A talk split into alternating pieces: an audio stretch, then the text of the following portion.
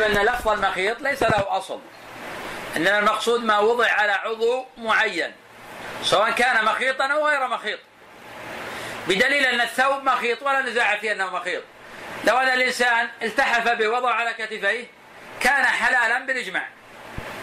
فعلم أن المخيط ليس منهيا عنه مطلقا إنما منهي عنه إذا كان على عضو معين. ولكن استقر في أذهان الناس بحيث أنها استقر الآن حتى عند بعض طلبة العلم. أن لفظ المخيط قد نهى عنه النبي صلى الله عليه وسلم مع أنه ليس له أصل. ما نهى عنه النبي صلى الله عليه وسلم ولا نهى عنه الصحابة ولم يرد في كلامهم هذا أصلا. إنما استنبط وذكره الفقهاء قولا فظنه من لا معرفة له بذلك أن هذا حديث وأنه من كلام النبي صلى الله عليه وسلم ثم عمموا ذلك. وظنوا أن كل مخيط يكون على المحرم لا يمنع. مع أنه لو تأمل هو هو يلبس نعلين مخيطين.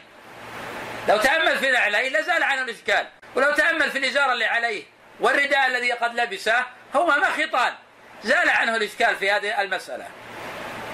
نعم. عفى الله عنك كالرباط الطبي المفصل على قدر اليد. وغير ذلك وما فصل على قدر القدم كالجوارب التي تسمى شراب وكالجزمات التي تسمى كنادر. وكالبوت والبسطار والخف وكالرباط الطبي المفصل على قدر القدم وغير ذلك. أما العصابة فلا تسمى مخيطا ولا لباسا. كرجل أصابه جرح في يده وعصب عليه عصابة فإن هذا لا يسمى بانه قد لبس لأن هذا ما فصل على عضو معين. فلا يدخل هذا في النهي. كذلك الرجل أصابته في رأسه شجة وربط على رأسه عصابة فإن هذا لا يقال عنه بأنه قد لبس مخيطا نعم. عفى الله عنك. ومن الأدلة على أن ما فصل على قدر عضو من من محظورات الإحرام ما روى البخاري ومسلم عن ابن عمر رضي الله عنهما أن رجلا سأل النبي صلى الله عليه وسلم ما يلبس المحرم من الثياب؟ فقال صلى الله عليه وسلم لا تلبسوا القمص ولا العمائم ولا السراويلات ولا البرانس ولا الخفاف إلا أحد لا يجد النعلين. ألا فليلبس الخفين وليقطعهما أسفل من الكعبين ولا تلبسوا من الثياب شيئا مسه زعفران ولا الورس. ومنع المحرم من لبس المخيط ومنع المحرم من لبس المخيط مجمع عليه. مجمع عليه إذا كان على عضو معين. لكن ينبغي التنبؤ أن لفظ المخيط لا أصل له. ينبغي التفريق بين حتى لا يختلط كلام الفقهاء بكلام النبي صلى الله عليه وسلم. نعم. وعليه فإن من أحرم في قميص أو جبة أو غيرهما مما فصل على قد عضو من أعضاء الإنسان. أو لبس شيئا من ذلك وهو محرم من أجل ألا تمنعه الشرطة من من الدخول إلى مكة. عفى الله عنك. وكما سبق بيانه عند الكلام على المواقيت المكانية ومثل هؤلاء كل من لبس هذا المحظور متعمدا لكن إن كان لبسه لحاجة ماذون فيها شرعا كأن يلبسه لمرض أو ضرب شديد أو لأنه لم يجد لباس الإحرام أو لأن طبيعة عمله تلزمه بذلك كالشرط والأطباء ونحوهم. فلا إثم عليه لكن يجب عليه فدية فعل المحظور. أما إذا لبس المحرم ما لم يفصل على قدر العضو فلا حرج عليه في ذلك ولو كان فيه خياطة. فلا حرج عليه في لبس رباط طبي يلفه المحرم على يده أو ركبته ولا في لبس الحزام الطبي الذي يلفه على ظهره ويربطه بلاصق أو نحوه ولا في لبس الساعة والنظارات ولا حرج عليه أيضا في لبس قطعة من قماش يلفها المحرم على عورته. يربطها على وسطه لأن جميع هذه الأشياء لأن جميع هذه الأشياء إنما يلفها المحرم على جسده. آه ثم يربطها يربطها أو يمسكها بما ذكر. وليست مما فصل على قدر عضو على قدر عضو والله أعلم. ويلحق بما ذكر الإزار الذي فيه لاصق. وكان هذا اللاصق يشبه الهيمان الكمر الذي يشد به على الإزار. أما إن كان هذا الواصف يمسك أطراف الإزار بعضها ببعض من أعلاه إلى أسفله فهذا يجعل هذا الإزار مفصلا على قدر أسفل البدن؟ ومثله شد الرداء بعد لبسه بمشابك من أعلاه إلى أسفل فهذا يجعله كالجبة أو القميص. تقدم عندنا قول شيخ الإسلام رحمه الله تعالى في شرح العمدة. يقول لو أن رجلا فتق سراويله لم يكن هذا منهيا عنه يقول بالاتفاق. فهذا دليل على أنه المنهي عنه لأنه فصل على عضو على الفخذين. فعلى هذا يكون قول شيخ الإسلام يشبه الوزرة. السروال حينئذ يشبه الوزرة. يشبه تنوره المرأة. فلك شيخ الإسلام ما يرى النهي عن هذا. بل يحكي الاتفاق على جوازه. وهذا يشبه الإزار الموجود المعاصر. لأن ما فصل العضو. هذا العضو من الأصل سوف يستر وواجب الستر. واي فرق بين يكون تلبس هكذا أو تربطه. تضع الخيط ثم تربطه. لا فرق بين هذا وبين هذا. نعم. عفى الله عنك. إلا أن لا يجد إزارا فليلبس فيلبس سراويل ولا ولا يفتقها. وإذا قال بعض الفقهاء يلبس سراويل يفتقها رد عليه ابن تيمية قال إذا فتق صارت حلالا بالإجماع. إذا لا وجه لذلك. وهذا يؤكد هذا القول. وذلك النبي صلى الله عليه وسلم قال من لم يجد إذا فليلبس السراويل. فعلماء السراويل ممنوعة. لكن بعض الفقهاء يفتقها. إذا فتقها ما صارت السراويل. وجاز لبسها بلا حاجة. وهذا مما رد عليه ابن تيمية على المخالفين. هذا يؤكد جواز الإحرام المعاصر. وأن ابن تيمية يحكي على مثله الاتفاق. نعم. عفى الله عنه لما روى البخاري ومسلم عن ابن عباس رضي الله عنهما مرفوعا. من لم يجد النعلين فليلبس الخفين ومن لم يجد إزارا فليلبس السراويل. وأيضا النبي هنا في فائدة ما ذكر كفارة؟ النبي صلى الله عليه وسلم لم يذكر في هذا الحديث كفارة. فهذا يؤكد القول بأن ما جاء في حديث كعب بن عجرة خاص بهذه المسألة قال طائف من الفقهاء يمكن حمل حديث كعب على ما إذا كان فيه إتلاف. ويحمل هذا الحديث على ما لا إتلاف فيه. نعم. عفى الله عنك. يعني المحرم ويدخل في هذا من كان في الطائرة ونسي ملابس الإحرام من مع العفش أو لم ينوي العمرة إلا في الطائرة ولم يكن معه ملابس الإحرام. فإنه يلبس السراويل ويلف ثوبه أو شماغه أو غيرهما من الألبسة على ظهره وصدره حتى يصل إلى المطار. يمكن يلبس الشماغ يضع على آه، عورته ويزول الإشكال. يكون الشماغ بمنزلة آه، الإزار. نعم. عفى الله عنك أو لا يجد نعلين فليلبس كفين ولا شيء عليه. للحديثين السابقين. الرابع تغطية الرأس بملاصق كعمامة أو غترة أو خرقة أو سجادة أو غيرها. لقوله صلى الله عليه وسلم في شأن الذي توفي بعرفات وهو محرم. ولا تخمر رأسه فإنه يبعث يوم القيامة ملبيا متفق عليه. وهذا مجمع عليه بين أهل العلم. والأذنان منه أي من الرأس لما روي عن النبي صلى الله عليه وسلم أنه قال الأذنان من الرأس. لكن هذا الحديث ضعيف. وله طرق ولا يصح من ذلك شيء. وهذا مما لا يمكن تحسينه بمجموع الطرق. لأن طرقه غير قوية.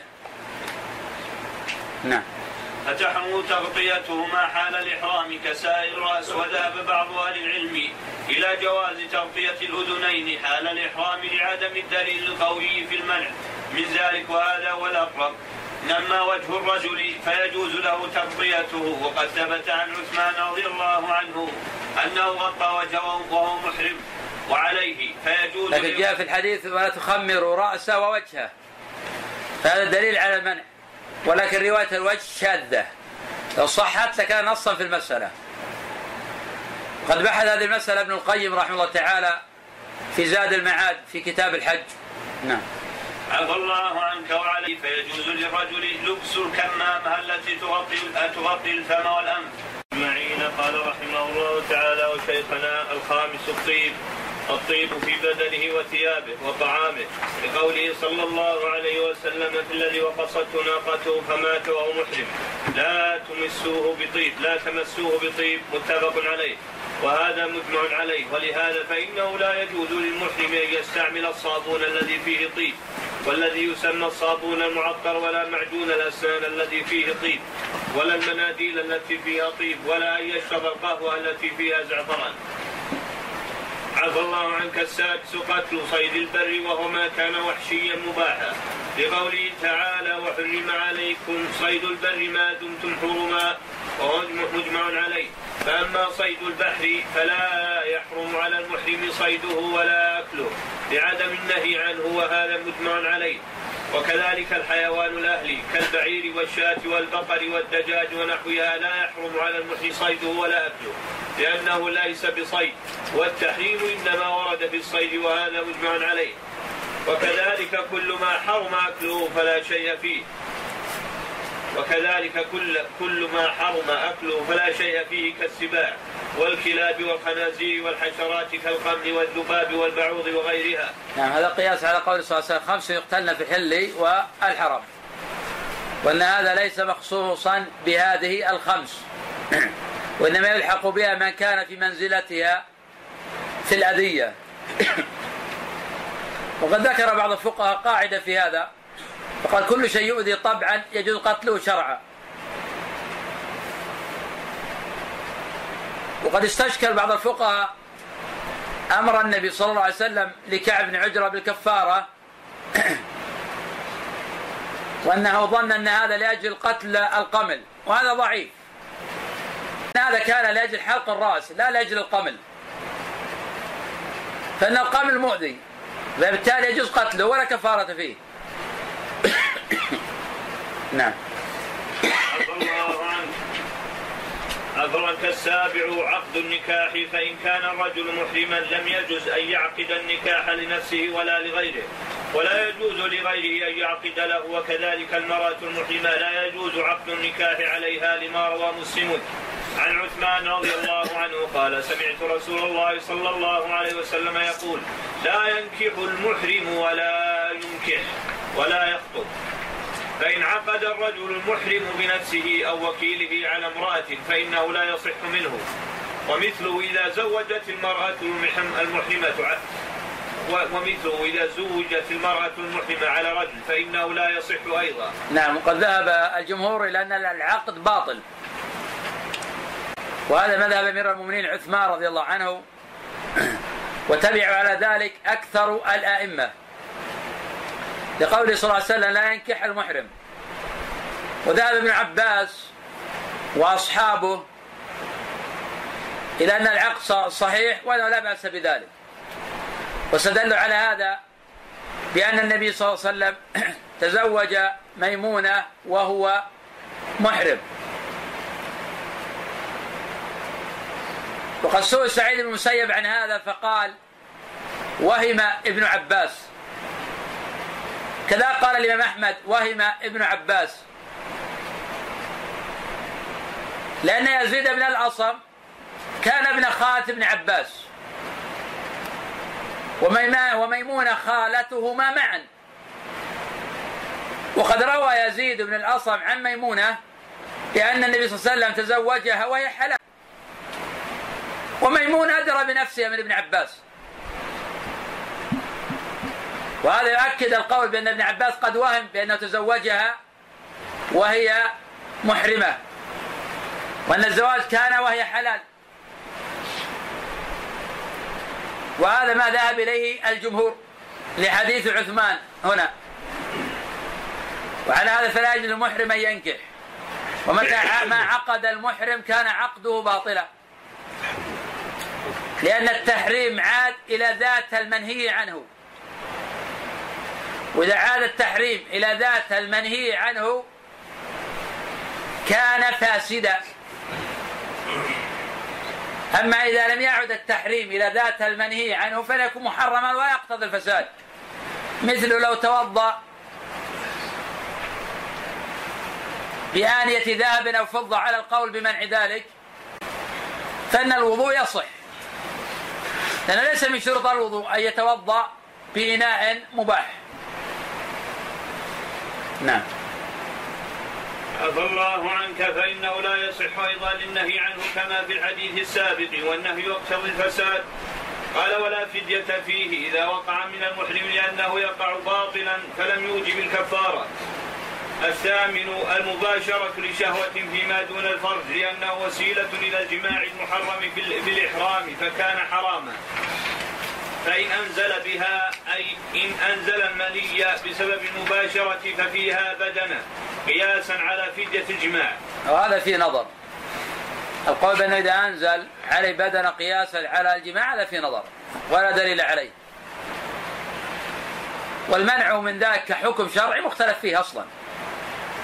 وفي قولان للفقهاء. والمنع ظهر ولكن لا كفارة في ذلك. نعم. عنك وذهب بعض أهل العلم إلى أنه يجب عليه شاة أو صيام ثلاثة أيام أو إطعام ستة مساكين قياسا على بقية المحظورات غير الجماع وهذا هو الأقرب. بل وهذا في نظر أيضا. لأمرين الأمر الأول أنه لا دليل عليه. الأمر الثاني قول قياسا على بقية المحظورات. أصلا ما ثبت الأصل. كيف تلحق الفرع بدون ثبوت الأصل؟ ما هو الأصل في أن المحظورات إذا فعل الإنسان وجب عليه الدم. ما في أصل عندنا. ودل على أنه ما هناك أصلا. ما في الصحيحين. أن النبي صلى الله عليه وسلم قال من لم يجد النعلين فليلبس الخفين ومن لم يجد الإزار فليلبس السراويل. وما ولم يقل النبي صلى الله عليه وسلم وعليه دم. وهذا متفق على صحته. فإذا لا يصح إلحاق الفرع بالأصل حتى يثبت الأصل. والمؤلف الآن ألحق الفرع بالأصل بأصل غير غير ثابت وهذا لا يصح القياس فيه.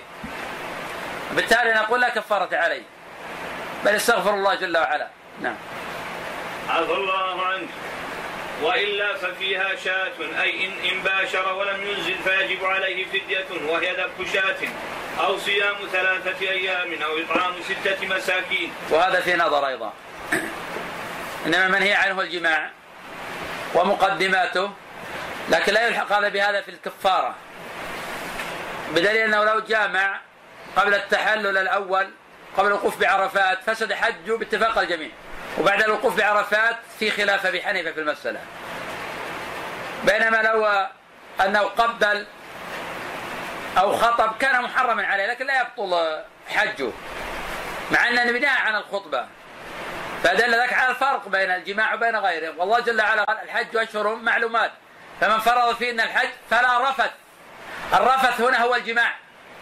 قال ابن عباس وغيره.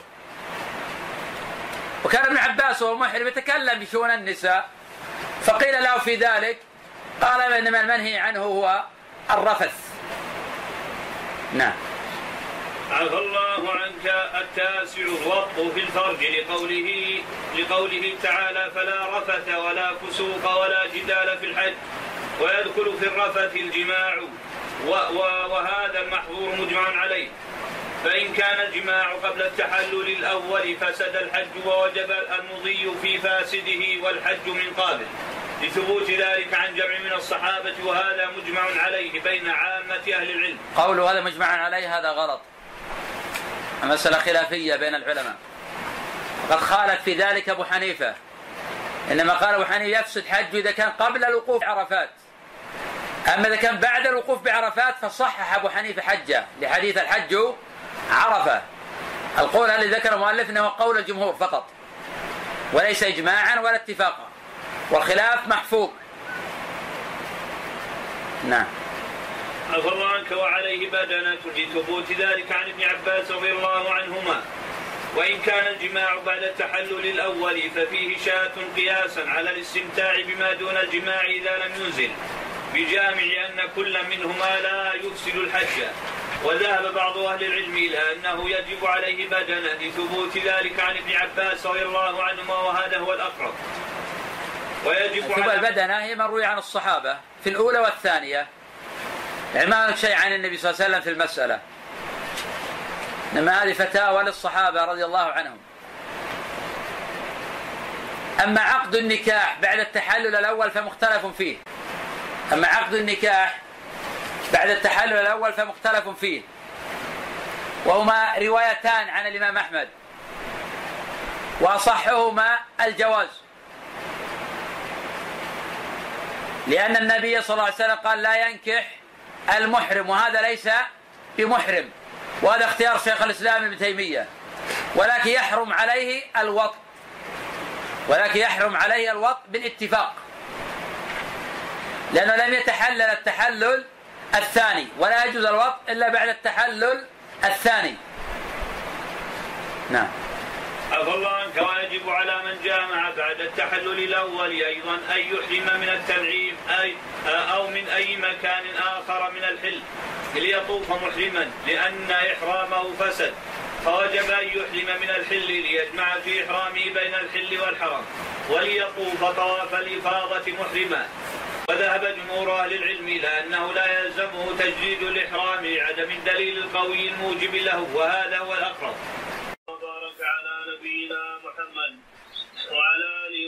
وصحبه أجمعين قال رحمه الله تعالى وشيخنا وإن وطئ في العمرة أفسدها وعليه أن يتمها وعليه شاء مما يجزئ في الأضحية ويجب عليه قضاء العمرة بإجماع. ولا يفسد النسك بغيره أي تقدم أن هذا هو قول الجمهور. بالنسبة للقضاء هذا قول الجمهور. وهذا قول الأئمة الأربعة خلافا لابن حزم فإنه لا يرى المضي في الفاسد. الجمهور يقول يمضي في الفاسد. أما ابن حزم فلا يرى المضي في الفاسد إلا معنى للمضي في الفاسد.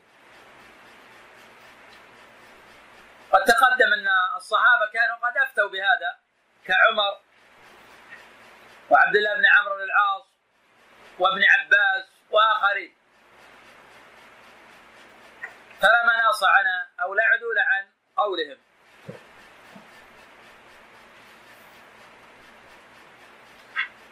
وأما من اشترط.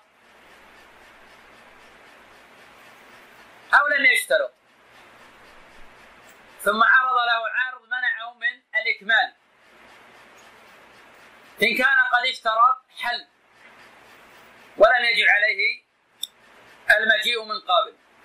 إلا إذا كانت حجة الإسلام. أما إذا كانت نافله لا يجب عليه. وأما إذا لم يكن قد اشترط. فيجب عليه أن ينحر هديا. كما قال الله جل وعلا حتى يبلغ الهدي محلة. وهل يجب عليه الحج من قابل قولا للعلماء القول الأول أنه يجب. وهذه رواية عن الإمام أحمد. ويستدلون بأن عمرة القضاء سميت بذلك لأنهم قد قضوا. والقول الثاني القول الثاني أنه لا يجب. لأن عمرة القضاء سميت القضاء من باب المقاضاة لا من باب القضاء. ولأن النبي صلى الله عليه وسلم لم يأمر بذلك. وكونه اعتمر من قابل لم يكن قد اعتمر مع من كان معه حين صد عن البيت. فهذا دليل على أنها لا تجب. وهذه الرواية الثانية عن أحمد. وهذا اختيار شيخ الإسلام ابن تيمية وابن القيم. وهذا أصح ما لم يكن عليه حجة الإسلام نعم عفى الله عنك ولا يفسد النسك بغيره أي لا يفسد نسك الحج أو العمرة بشيء من محظورات الإحرام سوى الجماع كما سبق بيانه. وهذا قول الجمهور خلافا أيضا لابن حزم.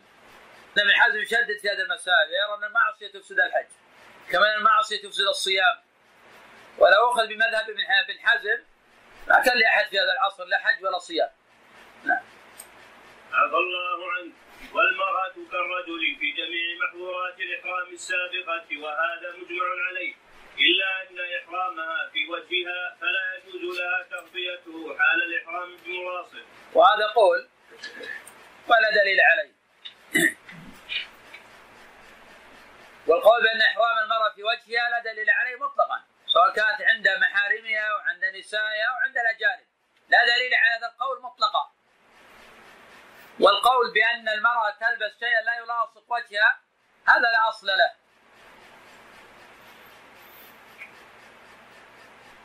ولكن نرى بعض الوافدين الذين يظنون هذا شرعا يضع شيئا زائدا للمرأة حتى تستمس وجهها وهذا من التنطع.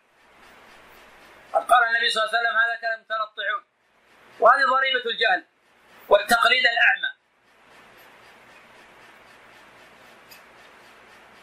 والصواب أن المرأة يجب عليها تغطي وجهها مطلقا عند الأجانب ولا رخصة لها في هذا. وأما عند محارمها فلو غطت وجهها لم يكن عليها جناح. والقول بأن المرأة إذا حجت أو اعتمرت مع زوج ابنتها فلم تكشف له وجب عليها الدم هذا قول ضعيف. نعم قال بعض الفقهاء لكن قول ضعيف. لأن يبنون هذا على هذا الأصل الذي لا دليل عليه أن إحرام المرأة في وجهها. ولذلك جوز للمرأة في الحج أن تكشف وجهها عند الأجانب وهذا ضعيف. بل يجب على المرأة أن تغطي وجهها عند الأجانب ولا رخصة لها في ذلك. إذا كشفت وجهها عند وجهها عند الأجانب فهي عاصية. والله جل وعلا يقول الحج أشهر معلومات. فمن فرض فيهن الحج فلا رفث ولا فسوق ولا جدال في الحج. وهذا من الفسوق. لأن المرأة حين تفتن الخلق وتضلهم والمرأة كلها عورة. ووجهها من ذلك عورة. يجب عليها تغطيته عن الأجانب. نعم. عنك فلا يجوز لها التغطية حال الإحرام بملاصق لما روي عن النبي صلى الله عليه وسلم أنه قال ليس على المرأة إحرام إلا في وجهها. عذرا وذهب بعض أهل العلم إلى أن المرأة إنما يحرم عليها تغطية وجهها بلباس يعمل للوجه كالنقاب واللثام والبقع والكمامة ونحوها. لما البخاري مرفوعا لا تنتقب المرأة المحرمة ولا تلبس قفازين والبرقع أقوى من النقاب أما غير ذلك فيجوز للمراه تغطيه وجهها به لعدم النهي عنه وهذا هو الأقرب. الحديث اللي ذكره المؤلف ولا نبه عليه. ليس على المرأة إحرام إلا في وجه هذا خبر منكر. هذا خبر منكر. والمحرمة تجتنب النقاب تجتنب البرقع. ويجب عليها تغطي وجهها ولا شيئا عند الأجانب.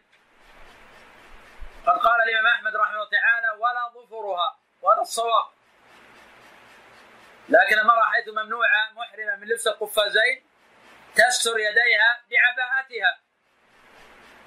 تستر يديها بعباءتها. نعم. عفى الله عنك. ولها لبس المخيط أي أن المرأة أن للمرأة وغيره مما فصل على قدر أعضاء الإنسان أو على قدر عضو من أعضائه غير الوجه والكفين. ما منعت إلا من القفازين والنقاب فقط. ولذلك لو لبست الشراب والخفين لم يكن عليها جناح جناح ما في مانع. لأنه لم يرد دليل على منع المرأة من ذلك. إنما منعت المرأة من القفازين فتستر يديها بعباءتها ومنعت من النقاب وتستر وجهها بما تسدل على رأسها. نعم. عفى الله عنك لعدم النهي عن ذلك في حقها وهذا مرجع عليه. أما الوجه والكفان فلا يجوز لها لبس ما فصل ما فصل لهما كقفازي اليدين وكالبرقع والنقاب وغيرهما كما سبق بيانه كما يجوز للمرأة أن تستعمل الأدوية التي تمنع نزول الحيض فترة معينة حتى تؤدي طواف الإفاضة أو طواف العمرة. وهذا صحيح لكن يشترط العمرة. وهذا صحيح لكن يشترط في هذا الشرط ألا تضرها. إذا كانت تضرها فمن قواعد الشريعة أنه لا ضرر ولا ضرار. نعم. أخبر عنك إذا لم يكن في ذلك ضرر عليها سواء كانت هذه الادويه من الحبوب والابر أو غيرها للمصلحه في ذلك ولأنه ليس هناك دليل يمنع من استعمالها. هذا وإذا كانت المراه حائضا ولم تطف الافاضه ولم تطف للإفاضة آه، فإنه يجوز لها أن تستعمل الابر التي توقف الحيض. إذا لم يكن في ذلك ضرر عليها فإذا توقف وطهرت اغتسلت وطافت فإن لم يمكنها ذلك أو كان في ذلك ضرر عليها آه، وكان محرمها لن ينتظرها مع أنه يجب عليه الانتظار إذا لم يكن في ذلك ضرر كبير عليه أو كان الحج في الطاء يفوتها إن انتظرت حتى تطهر ولا يوجد حج آخر أو يوجد حج آخر لكن موعده متأخر وعليها أو على محرمها ضرر كبير في التأخر. ولا يمكنها أن تعود إلى مكة بعد فترة للطواف فإنها تتحفظ وتطوف لا لاضطرارها إلى ذلك. على نبينا محمد وعلى آله وصحبه أجمعين قال رحمه الله تعالى وشيخنا باب فدية وهي على ضربين أي أن الفدية الواجبة على من فعل محظورا من محظورات الإحرام قسمان أحدها فدية على التخيير أي يخير, يخير, يخير من فعل المحظور في فعل أحد ثلاثة أمور كما سيأتي. وهي أي فدية التخيير فدية الأذى واللبس والطيب. أي تجب على من فعل أحد هذه المحظورات الثلاثة. فمن فعل أحدها فله الخيار بين صيام ثلاثة أيام أو إطعام ثلاثة آصع. الكفارات على نوعين. الكفارات على نوعين. نوع على الترتيب ونوع على التخيير. فكفارة الجماع في نهار رمضان. وكفارة القتل على الترتيب. كفارة الظهار على الترتيب. وكفارة اليمين على الترتيب. لأن الله جل وعلا قال فمن لم يجد فصيام ثلاثة أيام. ولكن ما قبل هذا على التخيير ليس على الترتيب. النوع الثاني كفارة من حلق رأسه في الحج. فهذه كفارة على التخيير وليست على الترتيب. لأن النبي صلى الله عليه وسلم قال هل تستطيع أن تعتق رقبة؟ أو أن تصوم ثلاثة أيام؟ أو أن تطعم ستة مساكين؟ لكل مسكين نصف صاع. فخيره النبي صلى الله عليه وسلم بين ذلك. فدل هذا على أن هذا كفارة على التخيير وليست على الترتيب. نعم. فالله فله الخيار بين صيام ثلاثة أيام أو إطعام ثلاثة أصع من تمر لستة مساكين أو ذبح شاة. لقوله تعالى فمن كان منكم مريضا أو به أذى من رأسه ففدية من صيام أو صدقة أو نسك. ولحديث كعب بن عجرة السابق وهذا أجمع عليه عامة أهل العلم. وقد قدر بعض أهل العلم المعاصرين الصاع بثلاثة كيلو جرام من الأرز ومثله البر. لأن وزنهما متقارب وعليه فيعطى كل فيعطى كل فقير كيلو نصف من من البر أو الأرز أو نحوهما. وجزاء الصيد وجزاء الصيد مثل ما قتل من أن من قتل صيدا وهو محرم أو في حرم مكة يجب عليه أن يخرج ما يشبه هذا الصيد الذي قتل من بهيمة الأنعام. لكن اختلف العلماء في من قتل صيدا. هل تجد المثلية مطلقة. أم أن هذا لا يجب عليه إلا إذا قتل متعمدا؟ فذهب أكثر العلماء إلى أنه لا فرق في قتل الصيد بين العامل والجاهل والناسي وهذا مذهب الجمهور.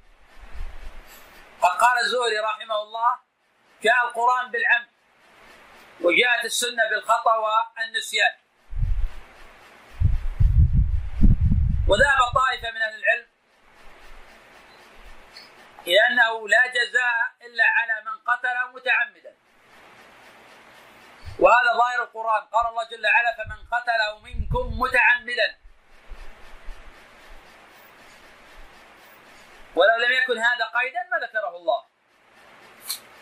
وأما قول الزهري جاءت السنة فالسنة ما جاءت بشيء إنما سكتت السنة.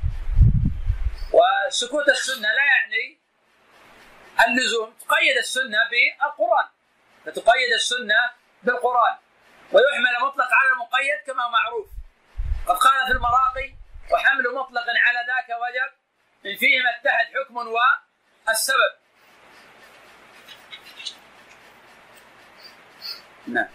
عفى الله عنك أو يقوم هذا الشبيه بدراهم ثم يشترى بهذه الدراهم طعاما. فيتصدق به على مساكين الحرم فيعطى فيعطي كل مسكين مدة أو يصوم عن كل آه، مدين من الطعام يوما. وسيأتي تفصيل ذلك وذكر أدلته قريبا.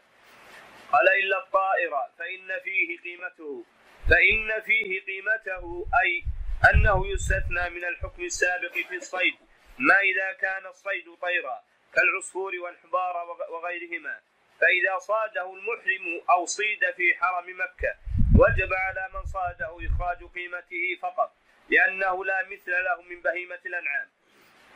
إلا الحمامة ففي إلا الحمامة ففيها شاة. أي يستثنى من الحكم السابق في الطيور ما إذا كان الطائر الذي صيد حمامة؟ فإنه يجب على من صادها ذبح شاة لحكم بعض الصحابة بذلك. ولأن الحمامة تشبه الشاة في كونها تعب تعب الماء أي تشربه متواصلا والنعامة والنعامة والنعامة فيها بدنة. لقضاء بعض الصحابة رضي الله عنهم بذلك. ولأن النعامة تشبه الجمل في خلقتها. ويخير بين إخراج المثل. للصيد الذي قتل فيخرج ما يشبهه من الأنعام. وبين تقويمه بطعام. أي ينظر كم قيمة هذا المثل من النقود؟ ثم يشتري بهذه النقود طعاما برا أو غيره. فيطعم كل مسكين مدة أو يصوم عن كل يوم عن كل مد يوما. يقول الصيام عن كل يوم مد يوما هذا قد تبلغ الأيام 300 يوم. قد تبلغ الأيام 300 يوم. وهذا قال الطائفة من العلماء ولكن أنكر هذا آخرون. قال أن الصيام لا يتجاوز عشرة أيام. كما قال ابن جرير وغيره. لأن الله جل وعلا ذكر من لم يجد الهدي فصيامه ثلاثة أيام في الحج وسبعة إذا رجعتم ولا فرق بين هذا وهذا. بالتالي لا يتجاوز الصيام عشرة أيام. نعم. عفى الله عنك لقوله تعالى لا تقتلوا الصيد وأنتم حرم ومن قتله منكم متعمدا فجزاء مثل ما قتل من النعم. يحكم به ذوى عدل منكم هديا بالغ الكعبة أو كفارة طعام مساكين. أو عدل ذلك أو عدل ذلك صياما. وذهب بعض أهل العلم إلى أنه في حال اختياره الصيام أنه يصوم عن كل مدين يوما. لفتي ابن عباس رضي الله عنهما بذلك وهذا هو الأقرب. الضرب الثاني أي القسم الثاني من أقسام الفدية. فدية على الترتيب وهو هج التمتع ومثله القران يلزمه أي يلزم المتمتع ومثله القارن شاة فإن لم يجد فصيام ثلاثة أيام في الحج وسبعة إذا رجع. أي إلى أهل لقوله تعالى فإذا أمنتم فمن تمتع بالعمرة إلى الحج فما استيسر من الهدي. فمن لم يجد فصيام ثلاثة أيام في الحج وسبعة إذا رجعتم. ومن فدية ومن فدية الترتيب فدية الجماع في الحج. على من جامع قبل التحلل الأول بدنه لما سبق. فإن لم يجد فصيام كصيام التمتع. قياسا على من عدم هدي المتعة أو القران وقياسا على من عدم الهدي عند فوات الحج كما سيأتي. وكذلك الحكم في البدنة الواجبة بمباشرة. إذا أنزل بسببها فإذا لم يجد بدنة وجب عليه صيام كصيام التمتع. قياسا على من لم يجد هدي التمتع. وذهب بعض أهل العلم إلى أن الواجب عليه في حال المباشرة هو فدية التخيير صيام أو صدقة أو نسك وهذا هو الأقرب. وعلى آله وصحبه أجمعين. قال رحمه الله تعالى وشيخنا وكذلك يجب على من لم يجد دم الفوات أن يصوم كصيام من لم يجد هدي التمتع لثبوت ذلك عن ابن عمر. والمحصر وهو الذي منعه مانع من الوقوف بعرفة. كأن يمنعه عدو أو مرض أو ضياع نفقته أو شدة زحام السيارات ولم يتمكن من المشي إلى عرفة لكبر سن أو غيره حتى طلع الفجر من اليوم العاشر ونحو ذلك. يلزمه دم إن لم يكن اشترى لقوله تعالى فإن أحسنتم فما استيسر من الهدي. إن كان قد اشترى تقدم.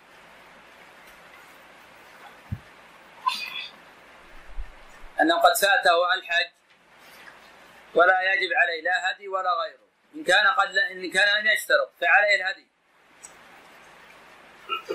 ويمضي في فاسده ويمضي في فاسده. وهل يحج من قابل أم لا؟ قولان للعلماء. أصحهما أنه لا يجب عليه الحج من قابل.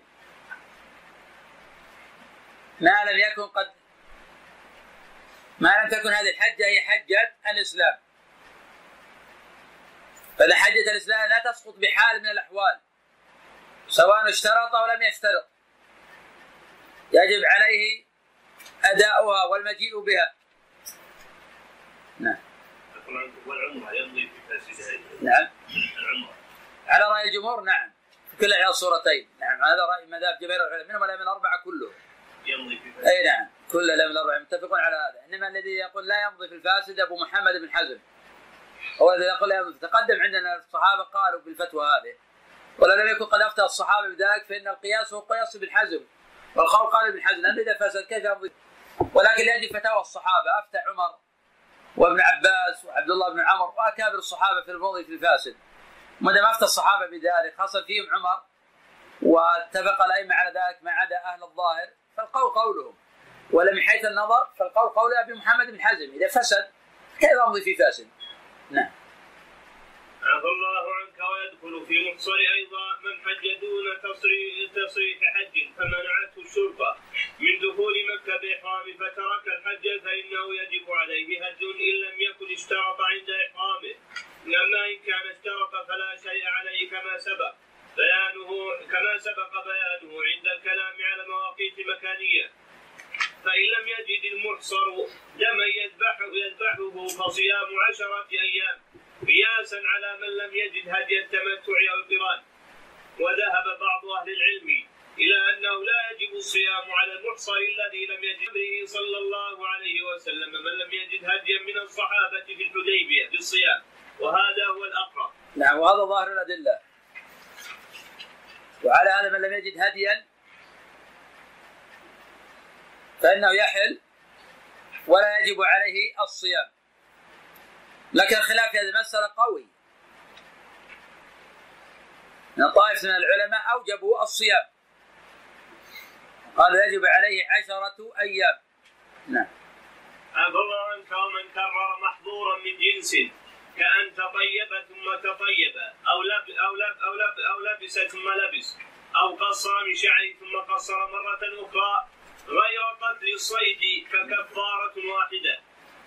قياسا على الحدود فإنه إذا فعل المكلف محرما يوجب إقامة الحد عليه وكرره فلا يجب عليه إلا حد واحد بلا خلاف. ويستثنى من هذا كما سبق قتل الصيد فمن قتل حمامة ثم قتل حمامة أخرى مثلا وهو محرم أو في حرم مكة وجب عليه فديتان. لكل حمامة فدية سواء قتلهما في رميتين أو في رمية واحدة. لقوله تعالى فجزاء مثل ما قتل من النعم ومثل الصيد. بالنسبة للتعدد الذي يقول بعدم التعدد هو أبو حنيفة. يستدل بقضية أنه لو سرق ثم سرق مرة أخرى قطع مرة واحدة. وهذا قد يجاب عنه بينهم لأنه متعلق بالمحل. وابو حنيفة قد طرد اصله في هذا فهو يقول لو أن رجلا حلف قال والله ما أدخل بيت فلان. ثم دخل ولم يكفر. ثم بعد ذلك قال والله ما أشرب ماء. ثم شرب ولم يكفر. ثم بعد ذلك قال والله ما أخرج من هذا المنزل. ثم خرج و... ثم خرج ولم يكفر. هنا تغيرت الصور. في كل هذه الصور يقول أبو حنيفة عليه كفارة واحدة. عليه كفارة واحدة. ويقول في كل هذه الصور عليه كفارة واحدة. الجمهور يخالفون في هذا. يقول إذا اختلف الجنس. تعددت الكفارة. أما إذا كانت من جنس واحد كانت كفارة واحدة. وفرقوا بين هذا وبين القطع. لأن القطع متعلق بالمحل. فلا يمكن أن يتعدد المحل. أما الكفارة تتعدد. وكذلك قتل الصيد. الحكم معلق بالصيد. فإذا أتلف صيدا لزمته لزمه جزاء إذا أتلف آخر لزمه جزاء آخر. بمنزلة يجامع في نهار رمضان. إذا جامع في اليوم الأول ولم يكفر جامع من الغد. هو الآن أفسد يومين. فلكل يوم كفارته. وذهب أبو حنيفة إلى الجميع كفارة واحدة. ووافقه جماعة في مسألة الصيام. وأما الحنابلة ففي كل هذه الصور يرون تعدد الكفارة وهذا قول الجمهور. نعم. الحمامتين يعتبر جنس واحد كفارة واحدة. لا جنسان يعني متعلق بالصيد. أفضل ومثل الصيد ومثل الصيدين لا يكون مساويا لمثل أحدهما. قال إلا أن يكون قد كفر عن فعل المحظور الأول فإن عليه للثاني كفارة. قياسا على الحدود فإنه إذا أقيم الحد ثم فعل ما يوجبه مرة أخرى وجب إقامة الحد عليه مرة أخرى. لكن بالنسبة للحد مختلف فيها بالنسبة للسارق. إذا قطعت يد السارق تقطع أولا اليد اليمنى ثم سرق مرة أخرى ثم سرق مرة أخرى. هنا في خلاف بين العلماء. هنا في خلاف بين العلماء استقر في هذا الناس أن تقطع اليد الثانية ثم سرق ثلاث تقطع رجله ثم الرابع تقطع ما يبقى له يدان ولا رجلان ولكن علي رضي الله عنه كان ينكر هذا يقول كيف يتوضأ؟ كيف يأكل؟ كيف يشرب؟ ولذلك هذه مسألة خلافية بين العلماء، في من قال من العلماء تقطع اليد اليمنى، ذكر الله قال والسارق والسارقة تقطع يدهما، بعد ذلك ما في قطع. باقي يكون تعزيرا، يجلد على حسب سرقته لتعزيره. هذا قول. القول الثاني يقول إذا سرق مرة الثانية تقطع يده الثانية. واستدلوا بظاهر الآية. قال فاقطع أيديهم قطعنا الأولى بقيت اليد وتقطع الثانية. بينما الجمهور العجيب ما يرون هذا. يقول تقطع رجله. على خلاف في موضوع القطع من الرجل. يقول حتى يستخدم اليمنى في الوضوء. مع أن الآية نصت على اليد ما نصت على الرجل. فلكن لم نقل بقطع الثانية فلا قطع على القدمين. إن هذا لا دليل عليه. عموما سنصل هذه المسألة ونفس الله أقول فيها للأهمية. لأن واقع الناس خلاف هذا الحديث. نعم. عفى الله عنك. وهذا الحكم في تكرر الكفارة لا خلاف فيه بين أهل العلم. وإن فعل محظورا من أجناس فلكل واحد كفارة. فمن تطيب وغطى رأسه مثلا وجب عليه لكل منهما كفارة. قياسا على الحدود إذا إذا لم إذا لم يكن فيها قتل. فإنها إذا كانت مختلفة تجب إقامتها كلها تجب إقامتها كلها بلا خلاف. والحلق والتقليم والوقف وقتل الصيد يستوي عمده وسهوه لأن هذه المحظورات فيها إتلاف فتجب فيها الفدية كما الآدمي. فتجب فيها الفدية كمال الآدمي. وذهب بعض أهل العلم إلى أن الخطأ في هذه المحظورات. لقوله تعالى في الصيد ومن قتله منكم متعمدا فجزاء مثل ما قتل من النعم. فأوجب الفدية على المتعمد ومفهومه أن المخطئ لا جزاء عليه ويقاس على الصيد ما سواه من المحظورات وهذا هو الأقرب. نعم تقدم أن هذا قول داود بن علي وابن جرير واختار أبو محمد بن حزم وقال به ابن تيمية وابن القيم في غير الصيد. قال به ابن تيمية وابن القيم في غير الصيد. وهو رواية عن الإمام أحمد. وهذا من فوائد الروايات عن أحمد. أن له قولا لأن الصيد لم يكن متعمدا. مع أن هذا لا يكاد يعرف عند الحنابلة. ما يذكر لي رواية واحدة. لكن في رواية عن أحمد صحيحة بأن الجزاء على المتعمد لا على الناس ولا على الجاهل. وهذه رواية إلى محمد. وعلى آله وصحبه أجمعين. قال رحمه الله تعالى وشيخنا وسائر المحظورات لا شيء في سهوها لقوله تعالى ربنا لا تؤاخذنا إن نسينا وأخطأنا قال الله تعالى كما في الحديث القدسي قد فعلت رواه مسلم ومثلها من ترك واجبا من واجبات الحج جهلا أو نسيانا فالصحيح أنه لا شيء عليه في ذلك وكل هدي أو إطعام فهو لمساكين الحرم لقوله تعالى ولا تحلقوا رؤوسكم حتى يبلغ الهدي محله ولقوله تعالى عن جزاء الصيد هديا بالغ الكعبة إلا فدية الأذى فيفرقها في الموضع الذي حلق به أي أن فدية الأذى كفدية حلق الشعر وفدية الطيب وفدية لبس النخيل ونحوها يجوز أن تفرق في الموضع الذي فعل فيه المحظور فعل فيه المحظور لأمره صلى الله عليه وسلم كعب بن عذرة لما رخص له بحلق راسه وكان بالحديبية أن يذبح شاة أو يصوم ثلاثة أيام أو يطعم ستة مساكين. تقدم من هذه الفدية على التأخير. فدية فعل المحظور على التأخير. كثير من العلماء اللي يفتون في هذا العصر دائما يقول عليه دم عليه دم مع ان النبي صلى الله عليه وسلم خير قال اطعم ستة مساكين صوم ثلاثة أيام أو انسك شاة دل ذلك أن فدية فعل المحظور على التأخير ليست على الترتيب. نعم. عفى الله عنك فدل على أنها تجوز في مكان فعل المحظور ولو كانت تجب في الحرم لامره بذلك كما أن هذه الفدية يجوز أن تفرق في الحرم أو في موضعه الذي احصر فيه لقوله تعالى فإن احصرتم فما استيسر من الهدي. ولأن النبي صلى الله عليه وسلم لما احصر بالحديبية وأصحابه نحروا هديهم بها وإن تيسر للمحصر أن يبعث هديه إلى الحرم ويذبحه فيه أجزأه ذلك أيضا. وأما الصيام فيجزئه بكل مكان أي أن الصيام الواجب بسبب فعل محظور أو قتل صيد ونحو ذلك. يصح في كل مكان لأنه لا يتعدى نفعه إلى أحد. فلم يخصص بمكان معين بل بل نزاع. فلم يخصص بمكان معين بلا نزاع. ولكن تجب المبادرة إليه لأن الكفارات تجب على الفور ويستثنى مما سبق الصوم الواجب على المتمتع أو القارئ إذا لم يجد الهدي فإنه يجب أن يصوم ثلاثة أيام في الحج. أيام لقوله تعالى فمن تمتع بالعمرة إلى الحج فمن استيسر من الهدي. فمن لم يجد فصيام ثلاثة أيام في الحج وسبعة إذا رجعت. أما السبعة الباقية فإنه إن صامها في وقت الحج أجزاه ذلك. وإن وإن صامها بعد رجوعه إلى أهله فهو أولى. قال رحمه الله باب دخول مكة. يستحق أن يدخل مكة من أعلاها. أي يدخل من أعلى مكة من الثنية العليا التي تخرج على الحدود لما روى البخاري ومسلم.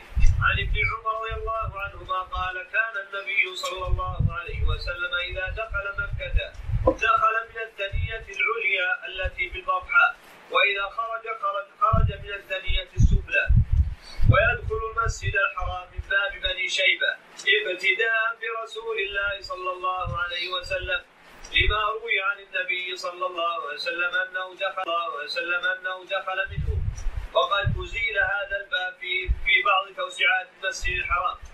وذهب بعض أهل العلم إلى أن الصحيح في هاتين المسألتين أن من أراد دخول مكة ودخول المسجد الحرام ودخول المسجد الحرام يدخلهما من المكان الذي هو أرفق به وأنه لا يستحب قصد دخول مكة.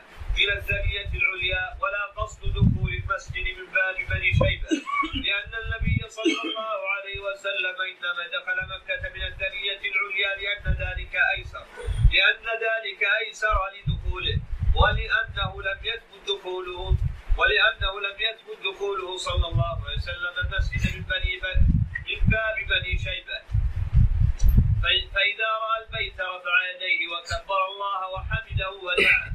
لما روي عن النبي صلى الله عليه وسلم أنه فعل ذلك. وذهب بعض أهل العلم إلى أن هذه الكعبة لعدم ثبوت ذلك عن النبي صلى الله عليه وسلم وهذا أقرب لكن ثبت عن عمر من رواية سعيد بن مسيب أنه حين رأى الكعبة رفع يديه. وقال اللهم أنت السلام ومنك السلام حينا ربنا بالسلام. وقد قيل للإمام أحمد رحمه الله تعالى سمع سعيد بن عمر؟ قال إذا لم يكن سعيد سمع فمن يسمع؟ وهذا الأثر ثابت عن عمر احتجوا بمثله. فهذا دليل على أنه إذا رأى الكعبة دعا الله جل وعلا في هذا الدعاء.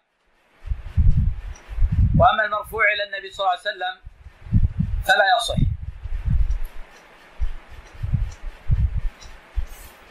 يستحب إذا دخل الكعبة أو إذا دخل الكعبة أو البيت أن يبدأ بالطواف اولا لأن هذا هدي النبي صلى الله عليه وسلم. الذي داوم عليه حتى لقي ربه. وكان عليه الصحابة رضي الله عنهم.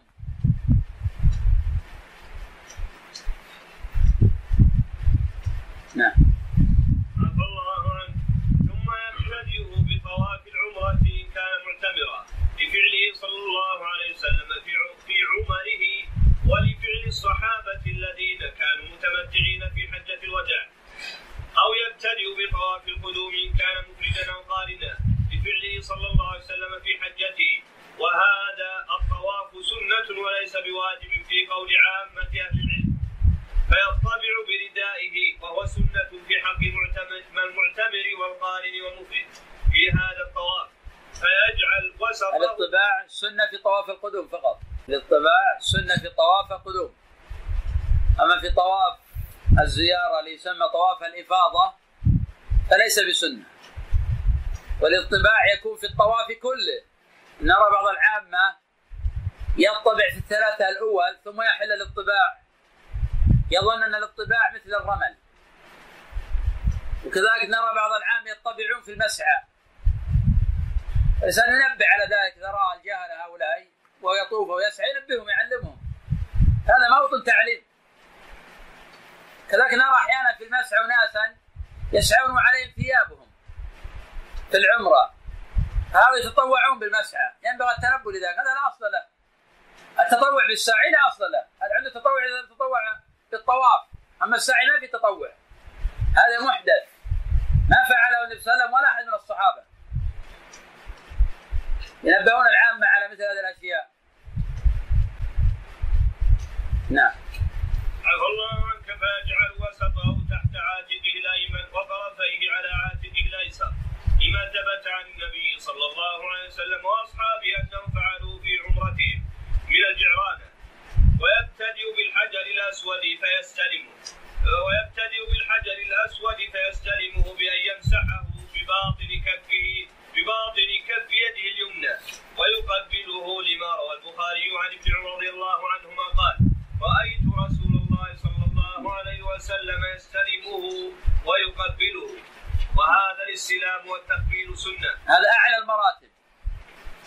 استلم الحجر له مراتب. المرتبة الأولى أن يستلم ويقبل. هذه المرتبة الأولى. المرتبة الثانية.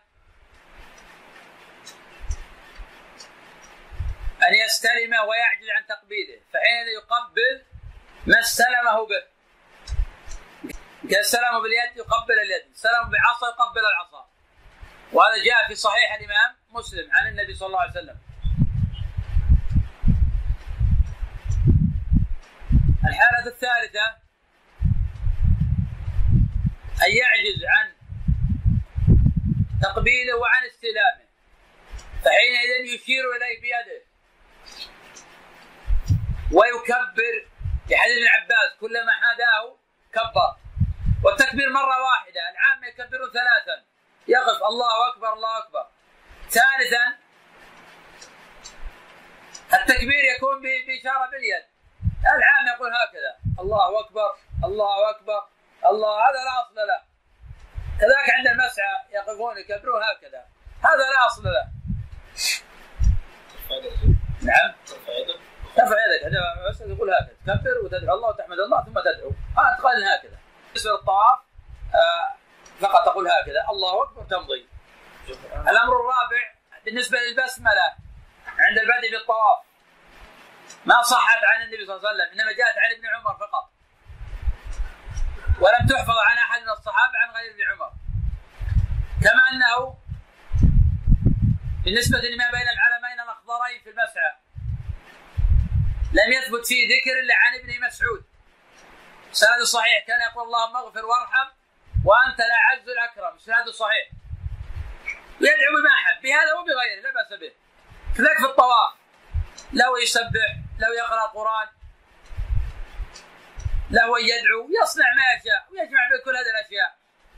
المهم لا يغفل عن الذكر وعن الطاعة. لما لا بس يتفرج جالس له يقرأ وله يسبح ولا ينكر منكرات اللي امامه جالس يتفرج. أو اذا يتحدث مع زميله. تفرج أو اذا يتحدث مع زميله. صحيح إنه لم يفعل حراما لكنه ضرب المسافات الطويلة يتعبد الله جل وعلا بذلك. ثم تقول هذا نتيجة عبادته وهذا نتيجة طوافه وهذا نتيجة سعي يلجا إلى الله جل وعلا في مثل هذه المواطن.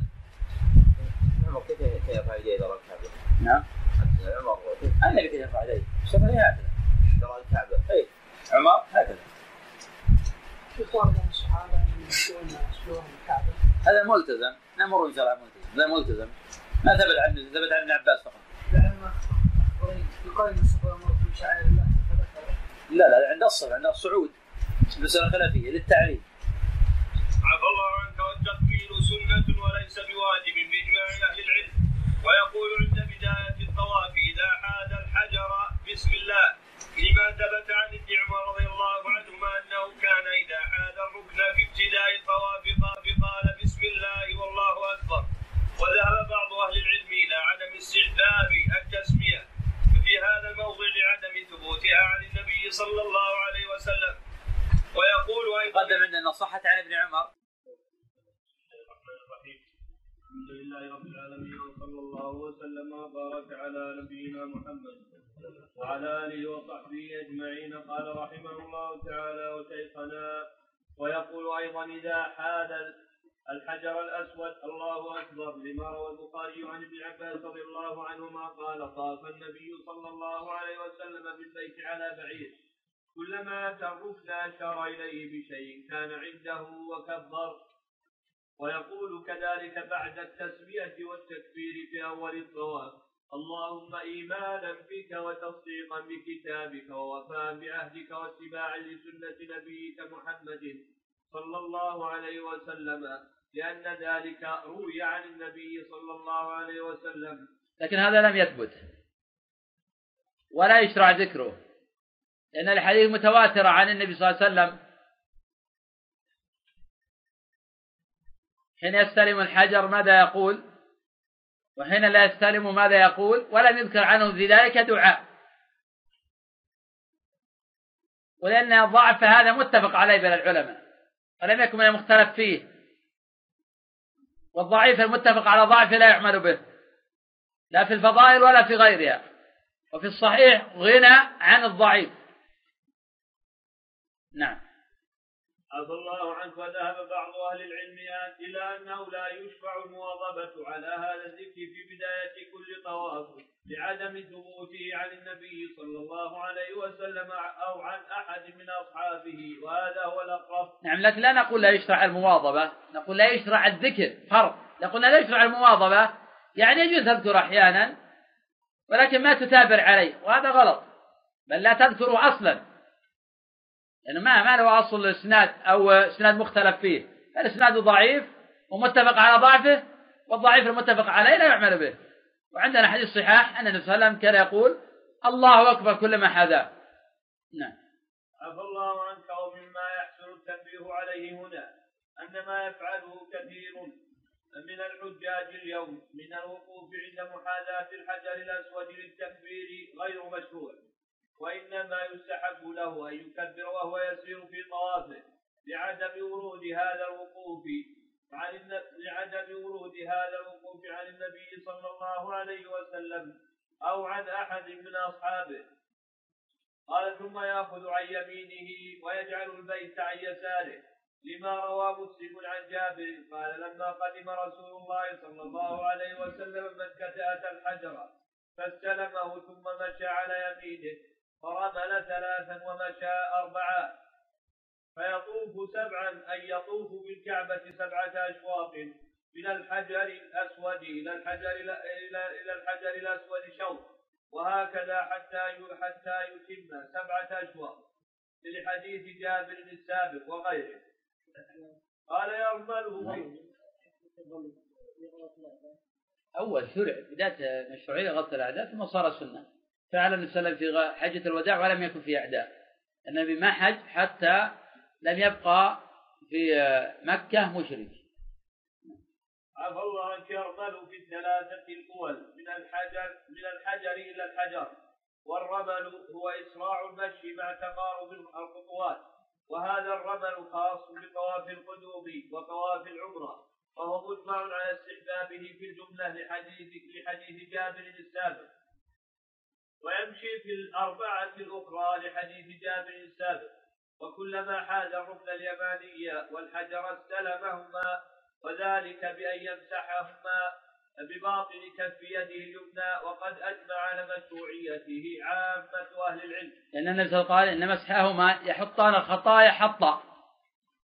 ولكن إذا ما استطاع مسح الركن اليماني فإنه ينصرف ولا يقول شيئا. نرى الآن بعض العامة إذا ما استطاع يمسح الركن اليماني أشار إليه قال الله أكبر. وهذا لا أصل له. هذا تقول عند الحجر الأسود. الركن اليماني ليس له إلا السنة واحدة فقط. الركن اليماني ليس له إلا سنة واحدة وهي المسح. وهي ما عدا ذلك ليس له سنة. إن استطعت أن تمسحه فافعل. ما استطعت فامضي. أما ما بين الركنين فتقول ربنا آتنا في الدنيا حسنة وفي الآخرة حسنة وقنا عذاب النار. نعم.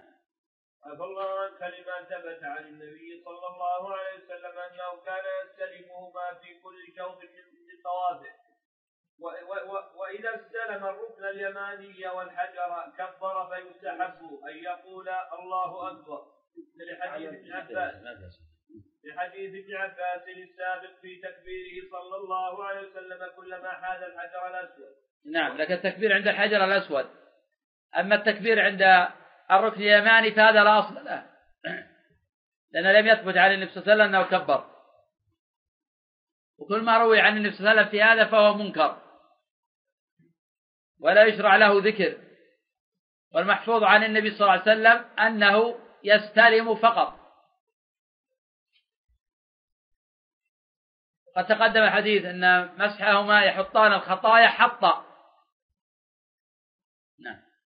عفى الله عنك ولما ثبت عن أنس رضي الله عنه أنه كان يستقبل يستقبل الأركان بالتكبير.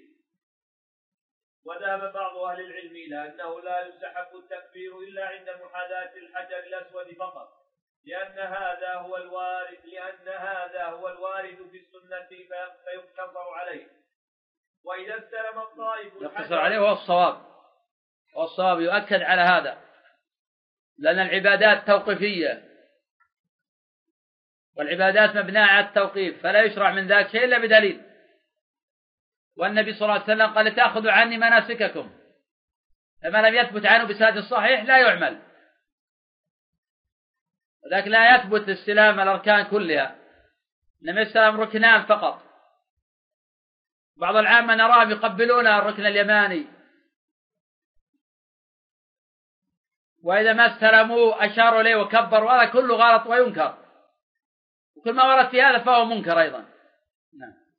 عفى الله عنك وإذا استلم الطائف الحجر الأسود والركن اليماني هلل آه، فيستحب له أن يقول كلمة الإخلاص لا إله إلا الله. لما روي عن النبي صلى الله عليه وسلم أنه قال لعمر في شأن الحجر الأسود إن وجدت فرصة فاستلم وإلا فاستقبله وهلل وكبر. وذهب بعض أهل العلم إلى أنه لا يشرع التزام التزام قول هذه الكلمة والمواظبة عليها في هذا الموضع لعدم ثبوت ذلك عن النبي صلى الله عليه وسلم. عفوا ويقول بين الركنين ربنا آتنا في الدنيا حسنة وفي الآخرة حسنة وقنا عذاب النار. لثبوت ذلك عن النبي صلى الله عليه وسلم وهذا الذكر ومثله جميع أذكار الطواف السابقة كالتكبير مستحب مستحبة وليست واجبة باتفاق الأئمة. قال ويدعو في سائره بما أحب. أن يدعو في بقية الطواف بما يريد من الدعاء المشروع لأنه ليس هناك ذكر معين ثابت عن النبي صلى الله عليه وسلم في الطواف غير ما سبق. ولهذا فإن ما يفعله بعض الناس في هذا الزمان من تخصيص كل شوط بدعاء معين وربما يقرأ ذلك من كتاب خصص فيه لكل شوق دعاء. كل هذا من البدع المنهي عنها لأن ذلك لم يرد عن النبي صلى الله عليه وسلم ولا عن أحد من أصحابه رضي الله عنه وإنما هو مما أحدثه الناس. ومما يفعله الناس الآن وهو لا أصل له أن يقوم شخص بالدعاء في الطواف ويتابعه في هذا الدعاء واحد أو أكثر ممن يطوف معه وكثير ممن يتابع هؤلاء بالدعاء بعدهم لا يفهم معنى ما يدعو به هذا الداعي أو لا يفكر في معناه. وكثيرا ما يشوشون على غيرهم من الطائفين برفع أصوات بهذا الدعاء كما أنه ينبغي للطائف أن يحرص على استغلال وقت الطواف بالإكثار من دعاء الله وذكر وقراءة القرآن. ولهذا فإنما يفعله بعض الطائفين في هذا الزمان من التحدث بالهاتف الجوال وإطالة الكلام فيه في أمور مباحة وربما يحصل مع ذلك ضحك ورفع صوت وغيرهما كل هذا مما يكره للطائف فعله. لأنه مما ينقص أجر هذه العبادة. قال ثم يصلي ركعتين خلف المقام لما روى البخاري ومسلم عن ابن عمر رضي الله عنهما قال قدم رسول الله صلى الله عليه وسلم فطاف البيت سبعا ثم صلى خلف المقام ركعتين فإن لم يتيسر صلاة هاتين الركعتين خلف المقام صلاهما في أي مكان من المسجد الحرام وهذا كله مجمع عليه.